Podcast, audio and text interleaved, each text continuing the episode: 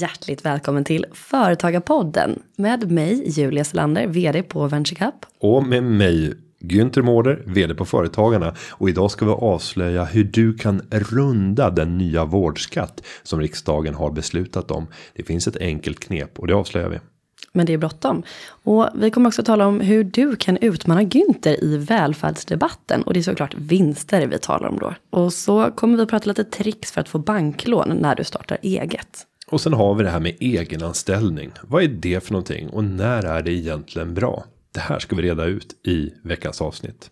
Och Företagarpodden till för dig som vill bli mer framgångsrik som företagare. Så eh, häng med. Varmt välkommen till veckans avsnitt.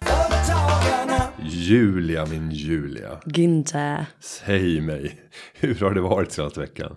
Jo men det har varit bra tack. Jag känner mig lycklig och pepp. Hur mår du? Jo, man är lycklig också. Jag har ju, varit- jag har ju varit eh, ute och stekt.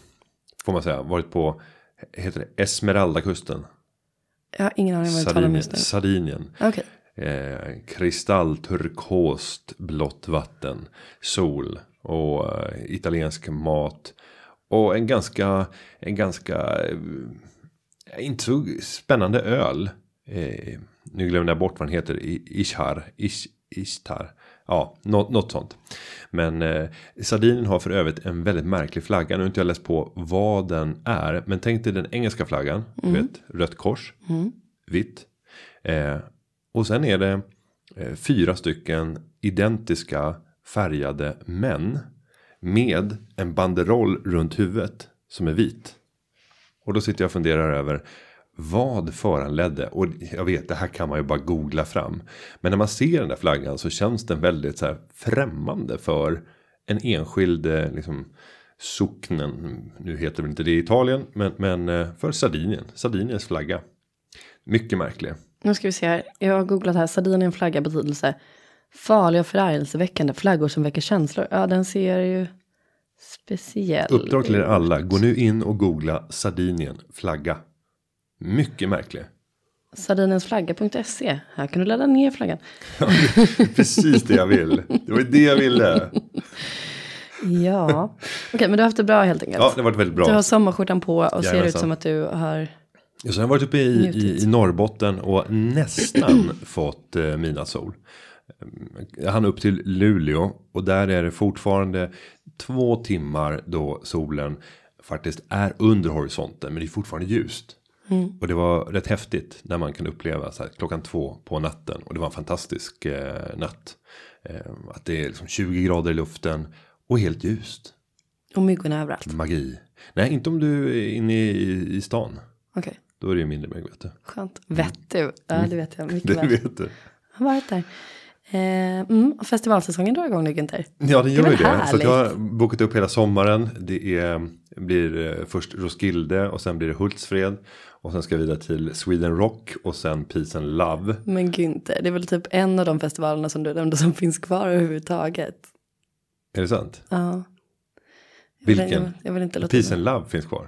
Definitivt. Jag tror det. Nu talar jag inte om de svenska festivalerna, nu talar om de... Åh, eh, åh, ska ni till Barcelona? till Esplanado Festival. Ser du att jag har på mig mina espadrillos idag? Ja det har du faktiskt. Eh, nej men det är, det är sonar. Espadrillos. Espadrillos. Det är Barcelona, det är Det sonar. var Barcelona. Det är Barcelona, det är Nej. sonar nästa vecka det är så otroligt pepp. Det ska bli så jävlans kul. Electro Festival. Yes. Dunka dunka. Dunka dunka i fyra dagar och det ska bli så jäkligt kul. Och sen så typ två veckor efter det då är det fusion utanför Berlin. Då är det tuk, tuk, tuk, tuk, techno. Och sen är det West West och så är det Pride. Ah, gud vad jag älskar sommar. Mm, mm, mm. Vi, lever, vi lever som olika liv. Som olika. Har du börjat tala norrländska också? Jo men eftersom man är. Ja, det är vi som olika. Det är som Nej, olika. Gud vilken, gud vilken fruktansvärt dålig norrländska. Jag ber om ursäkt. Men det är sommar och det är sol och det är korthärd sol som Markoolio skulle ha sagt. Ja.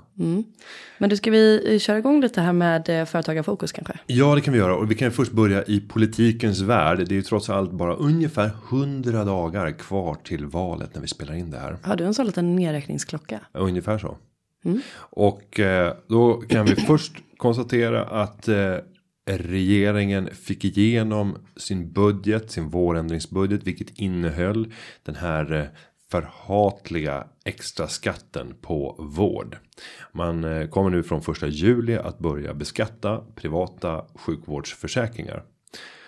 Och det här innebär ett härke för landets företagare som nu på bara några veckor ska ställa om. Och Skatteverket ska också ställa om. Normalt sett så gör man aldrig sådana här ändringar i inkomstskatterna under ett pågående år. Utan det gör man nästan alltid då första januari. Men nu är det valår så nu jäklar ska det ändras. Ja, och sen så har du även en majoritet i riksdagen som vänder sig mot det här. Men eftersom man trycker in det i budgeten så kunde man få igenom det. För att motståndarsidan, Alliansen och SD, vill inte när det är 100 dagar kvar till ett val fälla en budget. Och därmed utlösa en kris. Och kanske behöva stå beredda för att, att ta över och därmed skapa en, en helt kaotisk situation. Det tror jag skulle kunna slå mot dem i slutändan. När man går in i ett val. Och att de visar att de inte kan ta ansvar och bryter den gängse budgetordningen. Men vi har väl en liten, eh, liten gråzonsituation här. Ja, det finns en möjlighet för dig som vill undvika denna för, så, ja, vi säger, vi kallar den den förhatliga Vi vårdskatten. lägger inte in någon värdering. Nej. Men vi, Ja, då finns det en möjlighet. men det finns alltid en gråzon. Första juli så införs den. Alliansen har sagt att om de kommer till makten och det ser inte så osannolikt ut just nu att det så skulle bli fallet. ehm, Då kommer de att ta bort den och det innebär att den tas, bort första januari. Och beskattningen sker på alla sjukvårdsförsäkringar där inbetalningen av premien har skett från första juli och framåt. Det innebär att om man betalar sin fyllnad, fyllnadsbetalar sin försäkring under juni för resten av året. Det vill säga man betalar för resten av året redan nu. Ja, då klarar man sig undan den här extra skatten. Och förhoppningsvis då så kommer den att ryka första januari och då är man tillbaka och kommer således aldrig någonsin ha betalat en förhatlig extra skatt på vård. Tycker det är ganska coolt att betala skatt i och för sig. Men ja, det här är ju ett Jo, men då kan man ju välja att betala det på annat. Oj, det var en pisksnabb snärt tillbaka. Eh, och om man ska göra en liten, en liten uträkning. Det här är många, många om och men. För det handlar ju om hur mycket du tjänar. En person som eh, tjänar över brytgränsen för statlig inkomstskatt och även för värnskatt. Den betalar ju mycket mer i skatt och därmed också mer i skatt i procent räknat på sin sjukvårdsförsäkring. Mm, rimligt. Men om vi tar nu ett exempel på en premie på 450 kronor per månad. Där 70% av försäkringens innehåll anses vara beskattningsbart. Det blir 315 kronor. Så skulle det innebära en ökad beskattning från 95 kronor upp till 157 kronor per månad. Så det är den ökade, ökade skatteuttaget. Så att eh, oavsett så, så pratar vi om, om eh, liksom märkbara belopp på det här. Och särskilt då för nu, nu är försäkringen oftast eh, lägre prissatt för yngre. För det yngre har en, en lägre tendens att nyttja dem. Så då brukar man ha lägre försäkringspremie. Många har nog under 450 kronor per månad för, för sin privata sjukvårdsförsäkring. Men sen vet jag att det är många, eh, säkert av våra lyssnare som har företagarna Garant sjukvårdsförsäkring. Det är den vi har gruppupphandlat för våra medlemmar och erbjuder. Och vill man göra en sån här fyllnadsbetalning för att slippa skatten. Då gäller det att man skyndar på. Så innan 8 juni så behöver vi få en respons på det. Och så att man hinner hantera. För det måste gå ut en faktura där du eh, anmodas att betala innan första juli. In och gråzona fort som attan. Ja, det finns lite pengar att spara. Några, ja men handlar om 157 kronor per per månad. Gånger 6. Det är också pengar. Precis, det är en halv drink ungefär. Nej, det är inte en halv drink. Vad dricker du för drinkar? Jag mina kostar ingenting i sig. Nej, nej, och den här veckan så kommer det också bli ytterligare kaos i riksdagen. För nu ska man rösta om eh, ett vinsttak i välfärden. Det här är en fråga som vänstern har drivit på hårt. Och eh, Stefan Löfven var ju väldigt liksom, bergfast i sina uttalanden inför valet 2014. Och, och sa att eh, det här låter sig inte genomföras. Det skulle få allt för långtgående konsekvenser. Gå gärna tillbaka och titta på hur han själv och den analys som Socialdemokraterna gjorde inför valet. Där man fastnade i ställningstagandet att nej, det här är ingenting vi ska gå vidare med. Nu står man och försöker göra ett huvudnummer av den här frågan. Det här kommer på torsdag att röstas ner. Och då kan man tycka att man borde visa respekt för eh, liksom folkets vilja Att det finns en majoritet som inte vill, vill se det här. Men sen kommer man, tänk, kommer man fortsätta att driva på. Den här frågan kommer ju ständigt upp också på den valturné som jag varit ute på nu senaste tre månaderna. Och då har jag hört den här retoriken som finns. Hos Som motståndarsidan eller hos vänstern framförallt då. Eh, när det gäller frågan. Och jo, då pratar man ofta, och du kommer känna igen det här. Eh, är det verkligen vettigt att vi har riskkapitalister som går in och tjänar pengar på unga, sjuka, gamla och barn. För att sen skicka sina övervinster till skatteparadis. Det är ett eh, läckage av välfärdspengar, av dina och mina skattepengar till de här skatteparadisen. Spännande att använda ordet läckage också. Mm. Det är mycket blöjsnack på välfärdsdebatten. Jaha, ja det också kanske. Eh, nej men, men- jo, men visst väl- känner till den retoriken, absolut. Men Ja. mitt svar är att ja, absolut, så kan man tjäna pengar om man ger och erbjuder bättre vård. Det skulle jag absolut vilja säga. Men, men då har jag vänt det här när jag har modererat de här debatterna. Och då har jag gått till den som har kommit med den här typen av kommentarer och sagt. Snälla du, kan inte du bara nämna ett företag? Du får nämna flera, det finns ju många. Som är liksom grunden för det här hatet mot de privata välfärdsföretagen. Men välj ut ett som du tycker. Det här är typföretaget som jag vill bekämpa. Som är ett riskkapitalbolag. Som ofta brukar man prata om så här miljardomsättning. Och som har skatteparadis. Skicka pengarna till skatteparadis. Nämn ett företag så att vi vet vilket företag vi ska liksom titta på för att förstå ert hat. Mot privata utförare. Då, min gissning är att det är en och annan som nämner Carema där. Ja, Carema finns ju inte idag som Nej, men jag menar att det är det man har hört om mest i media och det fortfarande sitter kvar. Jaha. Nej, det är det inte. Utan ofta så blir det helt tyst. För det är ingen som kan säga. Ett företag som. Äh, jo, det kom upp vid ett tillfälle eh, i Norrbotten.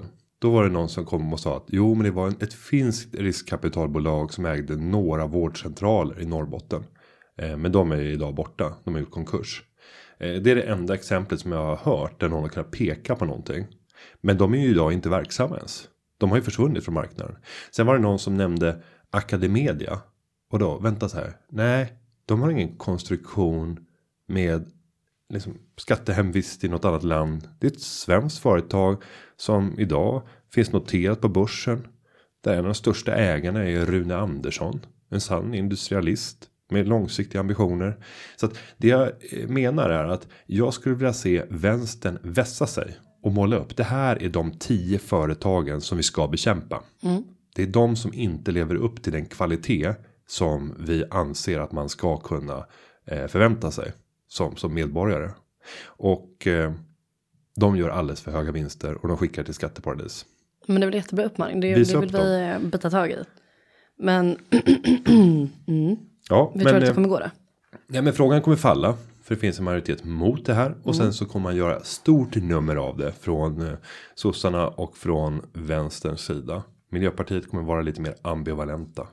Men de kommer nog tvingas att haka på i den här retoriken. Även om jag tror innerst inne att de.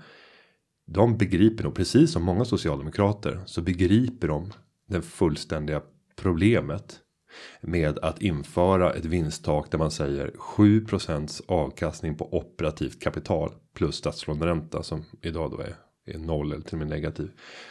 Eh, men att mäta operativt kapital. Om man inte kan förklara vad operativt kapital är. Då tycker jag inte man ska ställa krav på det.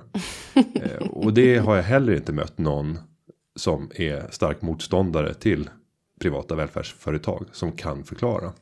Utan det de ofta kan förklara det är vinst på sista raden. Ja, vad har du för lönsamhet? Procent vinst på sista raden i förhållande till omsättning.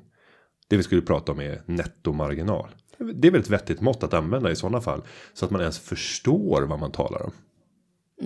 Men sen känns det som att det är mycket mm, känslofråga. Att det överlag är så här. Nej, jag tycker att det är fel att någon och så målar man upp en bild av någon slags knösus sork liksom som sitter krösus sork som sitter och liksom badar i pengar på någon annans bekostnad för att man väger blöjor och de får en dålig vård. Och det blir extremfall som kanske inte ens finns kvar som du säger. Det är Ja, mer en och- så här, stark känsla för att men, jag blir snart gammal eller jag känner någon som är gammal eller tar hand om min sjuka mamma lalala, och jag tycker att den personen ska ha en jätte, jättebra vård. Ja, men då är det väl jättebra att det finns fler alternativ att välja på. Ja, och sen har du den här sinnebilden återigen som väger blöjor.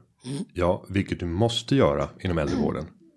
För att se att vätskan, att, att det fungerar. Att vätska kommer genom kroppen.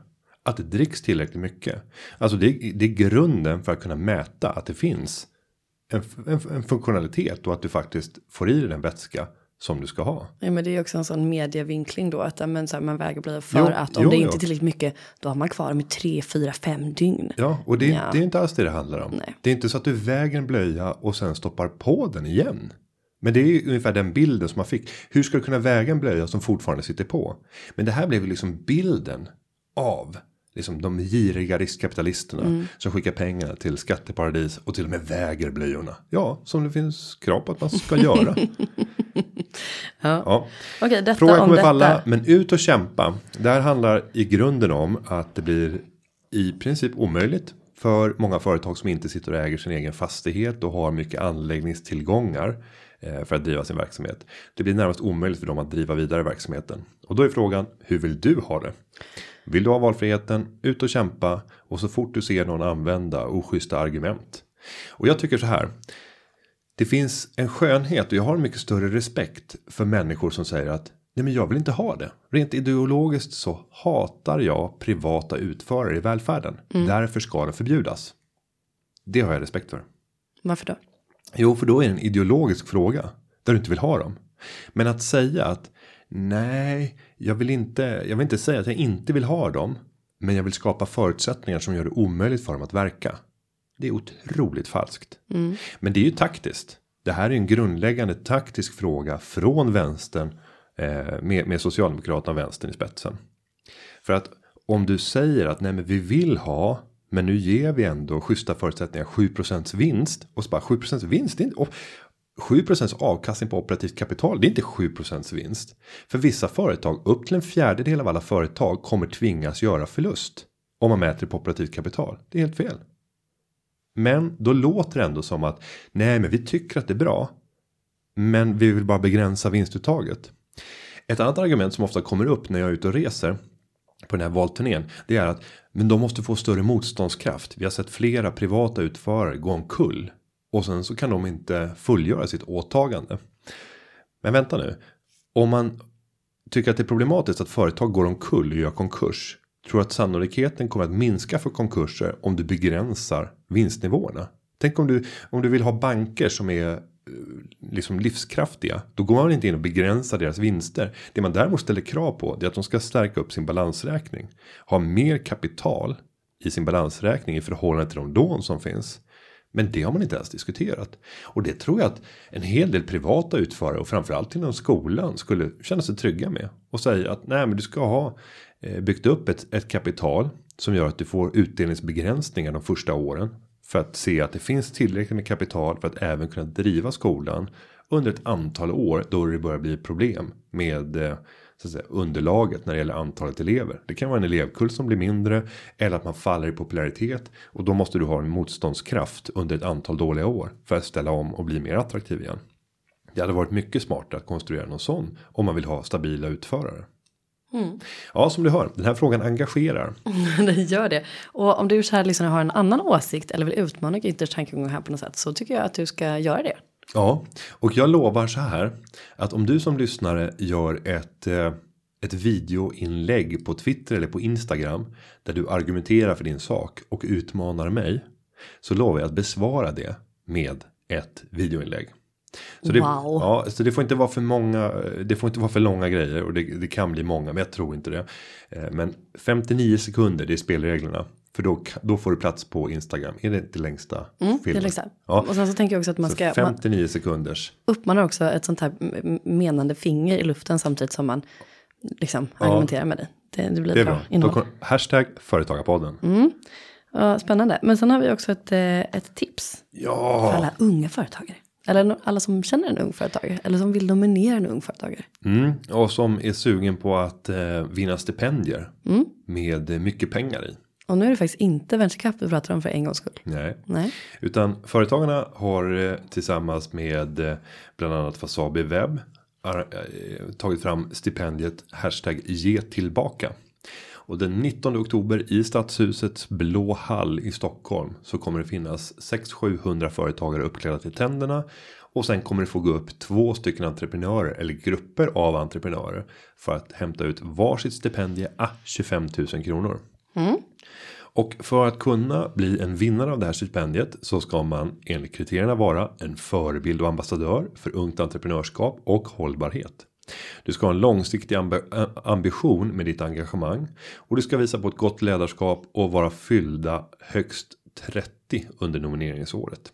Så 30 år eller yngre i år. Då Ja, är du välkommen. Jag kan sätta en peng på att det är många som lyssnar som har minst en person som man tänker på när man hör de här kriterierna. Så in och rösta och nominera. Ja, och då går ni in på getillbaka.se. Så och skynda er för att sista nomineringsdag är den 15 juni va? Stämmer. Stämmer, stämmer. Okej, men då har vi gått igenom lite olika goda grejer. En liten härlig karamellpåse. Ska vi läsa en lyssnarfråga? Ja, det gör vi. Eller nej, vi börjar kolla. För man kan ju också eh, hashtagga som sagt på Twitter och Instagram. Och vi har fått en liten, en liten eh, tweet här va. Jag är ju aldrig inne på Twitter för jag tycker att det är töntigt. Men eh, Jag du tycker kan det är coolt. Ja. Och då är det en som heter Viktor Mosalewski. Som eh, kommenterar Företagarpodden 120 för två veckor sedan. Där vi pratade om att skapa en statlig infrastrukturplattform. För att kunna jobba med transporter av allehanda slag via en app. Där man kan komma åt samtliga trafikslag. Så att man om exempelvis om man ska från Stockholm till eh, Gnosjö så söker man bara på det så får man alla möjliga transporter dit och så ser man olika alternativ om man vill åka buss eller flyg eller båt eller båt kanske blir svårt men nu fattar vad jag menar. Nej men det, det kan ju vara så här. Åk ner till Nynäshamn. Därifrån går en fraktbåt ner till Västervik. Från Västervik går en buss. Eh, nej och att du även har så här. Du åk, ta flyget till Jönköping. Därifrån så tar du en eh, privatperson som har anmält att de kommer att Exakt. åka den här sträckan bara 10 minuter senare. Och då kan man se vilket den. som är mest kostnadseffektivt och som du också verkligen ville. Man skulle kunna se vilket som är mest miljömässigt hållbart, eller hur? Ja, för då kan du få klassifikationer på det. Det blir det ju inte det minsta om din jäkel. Okej, men Nej, och då- Mosalevski har i alla fall kommenterat. Vad, vad skriver Ja, han? då ska jag så här. Har du hört talas om Uber? Och så skatta lite så här. Över, eh, lite översittande. Där finns funktionen du saknar. 17 minu- minuter in i dagens podd. Eh, smiley som skrattar så att de gråter gånger tre. Ja, jag, Jag känner mig nästan till, eh, till gjord till åtlöje. Ja, fast jag tycker, det, och vi uppmuntrar ju alla typer av kommentarer. Alltså den här podden är byggd på er lyssnare och era interaktioner och frågor. Och Vi vill ha pisk. älskar, vi vill ha pisk, vi vill bli satta på plats, det är det bästa jag vet. Men det här vet jag fasen, det här tycker jag är en dålig mästring, eller? Ja, jag tycker det. Alltså, Alltså, Uber är ja, ja, jag, jag åker har- Uber typ varje dag. Men Jo, men nu har jag inte varit inne på Uber de sista, senaste veckorna. Och det kanske är så att i Uber nu så har man integrerat samtliga trafikslag i Sverige. Och även erbjuder samåkningsmöjligheter. Mm. Jag har inte sett, jag har inte varit inne. Nu ska jag bara dish, dish, dish, dish, dish. jag har inte heller sett det. Det kan ju Och, och jag vet så. inte om det är så. Det kan ju vara så. Jag har missat den nyheten. Men att, att staten och eventuellt har köpt upp Uber nu. För att man tycker att Ubers plattform är så avgörande för Sveriges framtida infrastruktur. När det kommer både till varor och människor. Mm. Så att det här är- det kan vara så. Jag ska ha all liksom, respekt för att jag har varit borta på Sardinien. Och mycket kan ha hänt under den tiden. Så Viktor, hit me again. Men det kan också vara så tänker jag nu att eh, Viktor menar att vi, vi, det var också en lyssnare som tipsade om att ja, han var väldigt upprörd på att man var försenad i lokaltrafiken och att då skulle man liksom Mm. En ha buss. en buss som liksom så här, man, man betalade lite dyrare för första åkningen och lite mindre för andra och så där. Och då skulle kanske Uber vara ett alternativ. Absolut, men det är inte alls samma sak. Nej, det, ju- det blir ju som en vanlig taxitjänst. Ja, För och det- det- problemet var ju att det är, det är väldigt många som vill ha en taxi helt plötsligt när det blir haveri i lokaltrafiken och då finns det inga tillgå. Så att ja, Nej, i sådana fall om Uber hade en funktionalitet där det plötsligt kunde se att här blir det 400 människor som ska åka från plats A till plats B. Eh, Du är fast på Arlanda och ska vidare till Uppsala. Ja, om de då kan sätta in Uber-bussar. Där man ser att ja, men här kan man då omedelbart ha en sorteringsverktyg. Och där kanske finns något auktionsförfarande för plats på bussen. Men ärligt talat, jag tror inte att det här. Det är, det är inte Ubers grundmodell. jag säger Viktor. eh, Hit us again. Hit us again. Och jag vill också kommentera. Jag säger fortfarande Uber. Det är fel. Det är fel, det är Uber. Men jag säger Uber ändå för det är mycket coolare. Mm. Eh, Okej, okay. men tack för den kommentaren. Och sen så ska vi bara ge två eh, så här kramar tycker jag. Till, mm. till tre personer som eh, eh, mer eller mindre frekvent gör inlägg på Instagram med hashtag företagarpodden. Den ena är Peter Resell som verkar vara rekryterare och delägare på jobbmaskinen. Fick en lite fin marknadsföring. Mm -mm. Vi älskar att se bilderna när du avnjuter podden och alltifrån dricker vin till visar hur du ska ta igenom arbetsveckan. En annan person det är Niklas Skogsservice som har 1083 följare där man kan få följa med honom i sin dag, vardag när han håller på och röjer i skogen och naturligtvis lyssnar på Företagarpodden. naturligtvis. Och sen så ska vi även lyfta fram eh, Jakob eh, som även driver Main Home som eh, också lyfter fram väldigt många fina inlägg. Så tack till alla er som bidrar med bilder på Instagram och visar hur ni njuter av Företagarpodden. Så eh, fortsätt du också. Hashtag Gör Företagarpodden. Och fortsätt ställa frågor på hashtag Företagarpodden och på det lite längre formuläret på företagarpodden.se. Eh, det har en person som kallar sig för otålig gjort. Ska läsa? Jag gör det. Mm. Hej Julia och Günther, tack för en grymt bra podd. Alltid inspirerande att lyssna på er. Jag arbetar sedan mer än tio år tillbaka som IT-konsult och funderar på att fortsätta min karriär som egenföretagare istället för anställd. Det som dock bromsar mig just nu är att jag även funderar på att flytta och där kommer utmaningen in. Eftersom jag bor i Stockholm och planerar att bo kvar i Stockholm så kommer jag att behöva finansiera min bostad delvis genom bolån. Problemet som jag har hört är att bankerna inte beviljar bolån förrän man har ett årsbokslut eller åtminstone ett halvårsresultat att visa upp.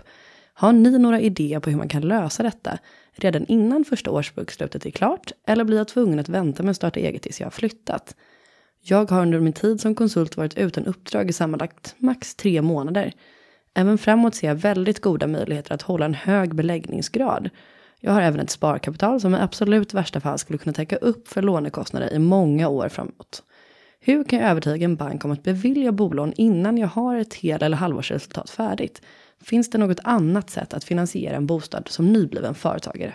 Undrar otålig. Tack otålig. Tack otålig. Eh, Nej, men det, det här eh, otålig belyser ett stort problem och det är ju att eh, när du startar en firma så har du inget papper där du kan visa på att du får stabila kassaflöden. Vad du däremot kan ha som en egenföretagare. Det är ju ett avtal skrivet med en kund. Om du förklarar för den primära kund som du jobbar åt för tillfället som konsult. Om ni skulle kunna skriva och formulera hur långt är det här uppdraget, vilket uppsägningstid finns för det och också beskriva lite bakgrund till uppdraget. Och visa om du har gjort tidigare jobb för de här som visar sig vara varaktiga. Eh, då kommer banktjänstepersonen att i mycket högre utsträckning kunna göra en, en, bedömning av vilken risk finns i dig som, som privatperson och företagare. Mm. Det du måste bevisa det är ju att du har återbetalningsförmåga. Och nu verkar det som att personen, jag blir lite förvirrad. Eh, för de personen skriver att jag, jag jobbar som it-konsult tio år tillbaka. Mm. Eh, men vill fortsätta som egenföretagare. Och då innebär det att personen har inte startat sitt företag än. Nej. Och då finns det en möjlighet att kanske ta bolånet och flytta innan. För då har ju personen redan idag en inkomst. Ja, plus att personen har ett sparkapital som verkar vara ganska gediget. Ja, som skulle kunna räcka i flera år. Mm. Men det känns väl som att det är väl ett övergripande bra tips att ta det innan man byter anställningsform. En annan sak det är ju att man vill aldrig sätta sig med banken när man är i underläge. Men just nu så är otålig i överläge. Och därmed så skulle personen kunna sätta sig med banken redan idag och förklara så här ser mina förutsättningar ut. Eh, kan ni trots att jag startar eget ge mig ett lånelöfte nu? Och då gör ju de en liksom okulär besiktning av dig och gör tittar på det och säger okej. Okay, vad, vad är sannolikheten för att du kommer att misslyckas med det här konsultbolaget? Och vad händer om du blir av med det jobbet? Kommer mm. du att kunna få en ny anställning? Så att man gör ju en total invägning för att titta på riskerna med en människa. Och visar det sig att du har en, en relevant utbildning. Du har branscherfarenhet i tio år. Och ja, men min bedömning skulle vara att hade jag suttit på som banktjänsteperson så hade jag nog givit det här lånelöftet redan med vetskapen om att du skulle bli egenföretagare. Så det bästa du kan göra, sätt dig ner med banken, ta diskussionen. Eh, om det blir problem, gör det innan du startar firman. Mm. Men vässa dina argument innan du går dit också så kanske banken tar fram den stora gröna okej-stämpeln. Ja, och finns det liksom andra saker som skulle kunna hjälpa till. Det är ju att få en medlåntagare. Det kan vara någon som går in och går i borgen för dig. Eh, till exempel om du har föräldrar som har bott i en bostad eh, under lång tid som har stigit i värde. Då kanske de kan gå i borgen för det för att på så sätt eh, säkra upp en, en del av, av bankens åtagande. Men jag tror inte det ska behövas. Så jag säger otålig, gå till banken, ta ett möte, berätta om situationen, var ärlig. Ehm, Så tror jag att det här löser sig. Jag tror inte att det är något problem. Men återkom om det blev ett problem. Ja, och tack för en bra fråga. Ja, Du, eh, du har en fråga till. Vill du höra? jag vill höra. Vill du höra? Ja, då ska du få höra. Eh, det är Tessan från Linköping som undrar så här. Hon skriver, hej hej, jag vill starta eget inom snickeri. Är specialiserad på fönsterhantverk och byggnadsvård. Min plan har hela tiden varit att driva företag, kanske till en början som enskild firma. Men nu dyker det hela tiden upp annonser om att istället bli egenanställd. Kan inte ni i ett avsnitt prata lite om vad skillnaden är mellan att till exempel starta ett AB eller enskild firma jämfört med att bli egenanställd? Till exempel frilansfinans och så vidare. Det verkar ju smidigt och mer byråkratifritt, men finns det nackdelar? Det känns som att det bör finnas en hake. Vilka passar den typen för? Mvh Therese. Mm, det är en jättebra fråga. Om vi börjar med skillnaden mellan aktiebolag och enskild firma så anser jag frågan vara besvarad med de över 122 eller vad det nu är avsnitt som hittills har vi i varje podd har talat om just det Ja, här. det är precis det jag pratar. Men Nej, vi kan väl det- men- sammanfatta. Jo, men just den har dykt upp. Så jag tycker att vi fokuserar på egenanställning. Om vi tittar på egenanställningsföretag och deras funktion. Mm. Har du stött på det? Absolut, och det är precis som eh, Tessan skriver här. Man blir pepprad med erbjudanden om att så här, men låt oss ta hand om byråkratin och pappersarbetet och fokusera på det du gör istället. Och då tänker man, en, jag, ju, att ja men det här kostar ju såklart.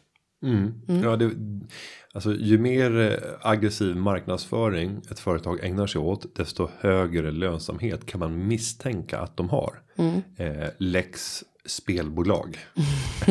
Lex VM sommar. Ja, absolut. Eh, nej men om, om vi ska titta på egenanställningsföretag så är det skulle jag säga en bra form för en rad personer som bedriver uppdrag åt eh, andra utan att vara anställda. Det är framförallt bra för den som kanske jobbar som kombinatör som både har en vanlig anställning men också vid sidan av det gör några små uppdrag åt eh, kunder där det är väldigt lite här, materiella tillgångar som behövs för att leverera på uppdraget. För ju mer materiell utrustning du behöver. Ja, desto mer komplicerat eh, blir det att jobba med ett egenanställningsföretag. För att ett egenanställningsföretag. Det är alltså ett företag dit du kommer och säger att. Jag vill inte starta ett företag. Jag vill istället att vi går via er. Och då är frilansfinans och cool company två av de större.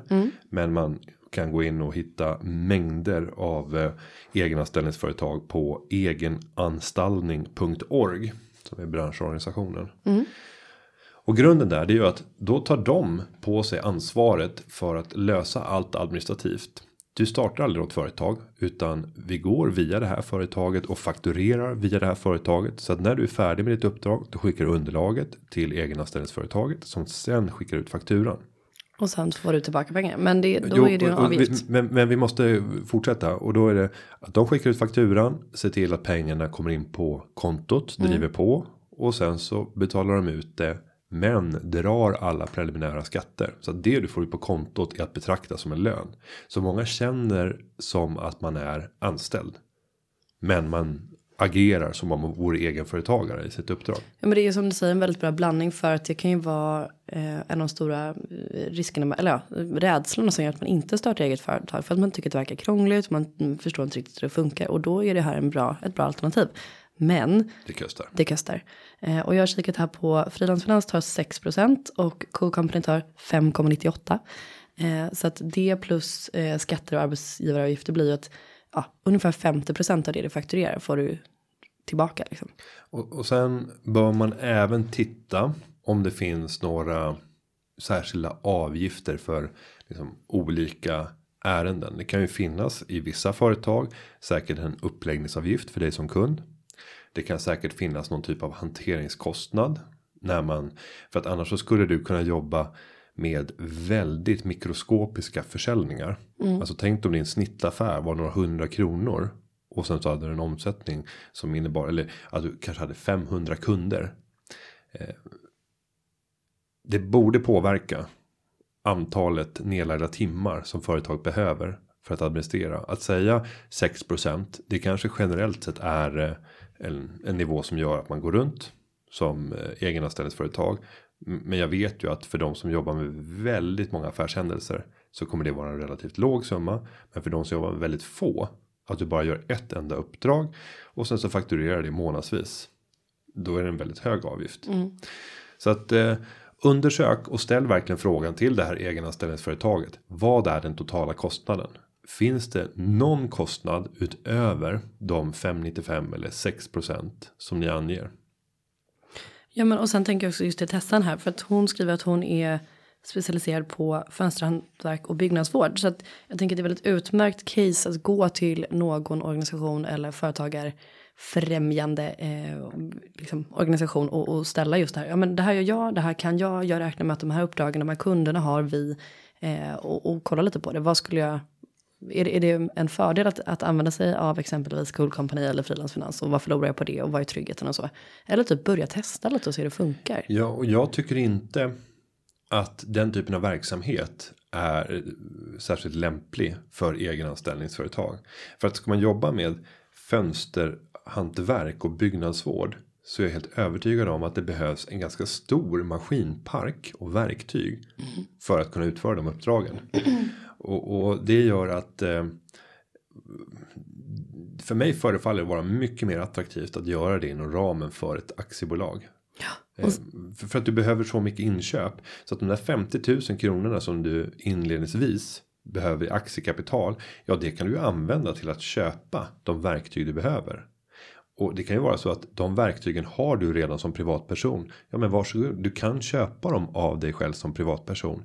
Bara du kan säkerställa att det inte sker till ett överpris. Så att är det verktyg för 30 000 som du behöver. Som du har privat. Ja men starta då ett aktiebolag.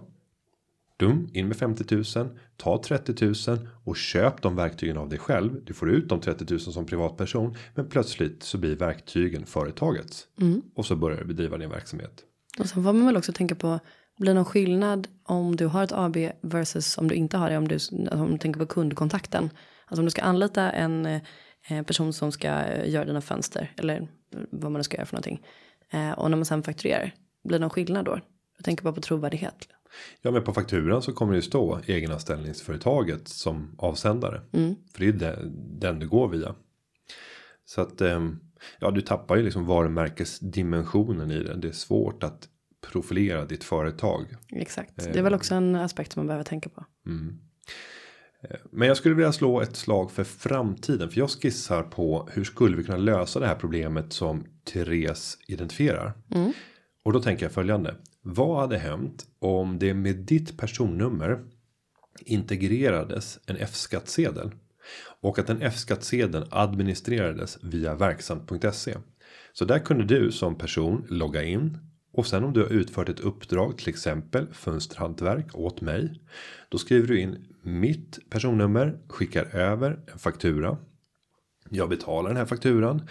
Pengarna skickas över till dig. Men det som händer här. Det är att preliminära skatter och eventuella avgifter kopplade till det här tjänsteutförandet dras. Och sen kommer pengarna ut på ditt skattekonto och vidare ut till dig. De pengarna du nu får ut är skattade och färdiga. Sen kan det vara så att du har haft kostnader för inkomsternas förvärvande. Vilket innebär att för att göra det här fönsterhantverket så var du tvungen att köpa lim och du köpte en ny glasruta och ja och så vidare för att utföra uppdraget. Då får du göra avdrag för det i din personliga deklaration. Men på det här sättet så skulle man slippa att upprätta ett bokslut. Och för alla de som gör lite uppdrag på marginalen med någonting annat utöver att man har en anställning så hade det varit en fantastisk form Verkligen. och underlätta för att kunna göra enkla affärer. Eller tänk dig de här gångerna när man kanske får enstaka uppdrag. För mig inom sång så är det så här. Ja, men bröllop, begravningar. Du har en kund en gång. Och du gör ett uppdrag. Och du ska få så här. 3000, 4000 kronor. Har du inte ett eget företag. Så är det ganska mäckigt. Då är det egenanställningsvägen. Som är den mest vettiga. För att, att säga till kunden att nej, du får nu upprätta en anställning för mig som privatperson, vilket du kan göra. Eh, vi har gjort det när vi har haft eh, barnflicka, men det är ganska omständigt att göra det. Så att det här hade varit ett lysande verktyg. Så du som politiker, jag vet att det är många politiker som lyssnar på det här. Fundera om inte du tycker att det här är någonting spännande som du skulle vilja slussa vidare upp i ditt parti. Och vill du prata mer om det, slå en signal. Så kan vi prata vidare och diskutera vad är för och nackdelar. Vad är det man måste lösa längs vägens gång. För jag skulle drömma om att innan jag går under jord. Få se att jag kan logga in på verksam.se. Ja, innan du går under jord. Vill du att Cool Company och frilansarna ska gå i graven? Är det det du vill? Nej, nej men de, de, de får gärna fortsätta. Men problemet är ju att idag så finns det alltså en kostnad på minst 5,95% som blir en avbränning för någonting som skulle kunna lösas av det offentliga. Nej, men absolut. Men skulle inte du bli lite, du skulle bli glad men ändå lite irriterad om någon politiker tog det här och hävdade att det var dens egen förslag? Nej, nej, men det blir absolut inte. Då kan jag liksom bara visa upp poddavsnitt eh, nummer 122 av Företagarpodden. Mm, Okej. Och det här, det här är ju någonting som jag har pratat om i, i flera år. Så att det finns Jo, tack. mer, mer skrivet om det. Nej, så att jag, jag har ingen eh, så här, Günther-anställning. Det är det det är. Det ska heta det. Gantställning. Gün- Günther-företag. Ja, vi får se vad det blir för titel på det där. Men eh, Tessan, hoppas att du har fått svar på din fråga. Om inte annat så får du ställa den igen.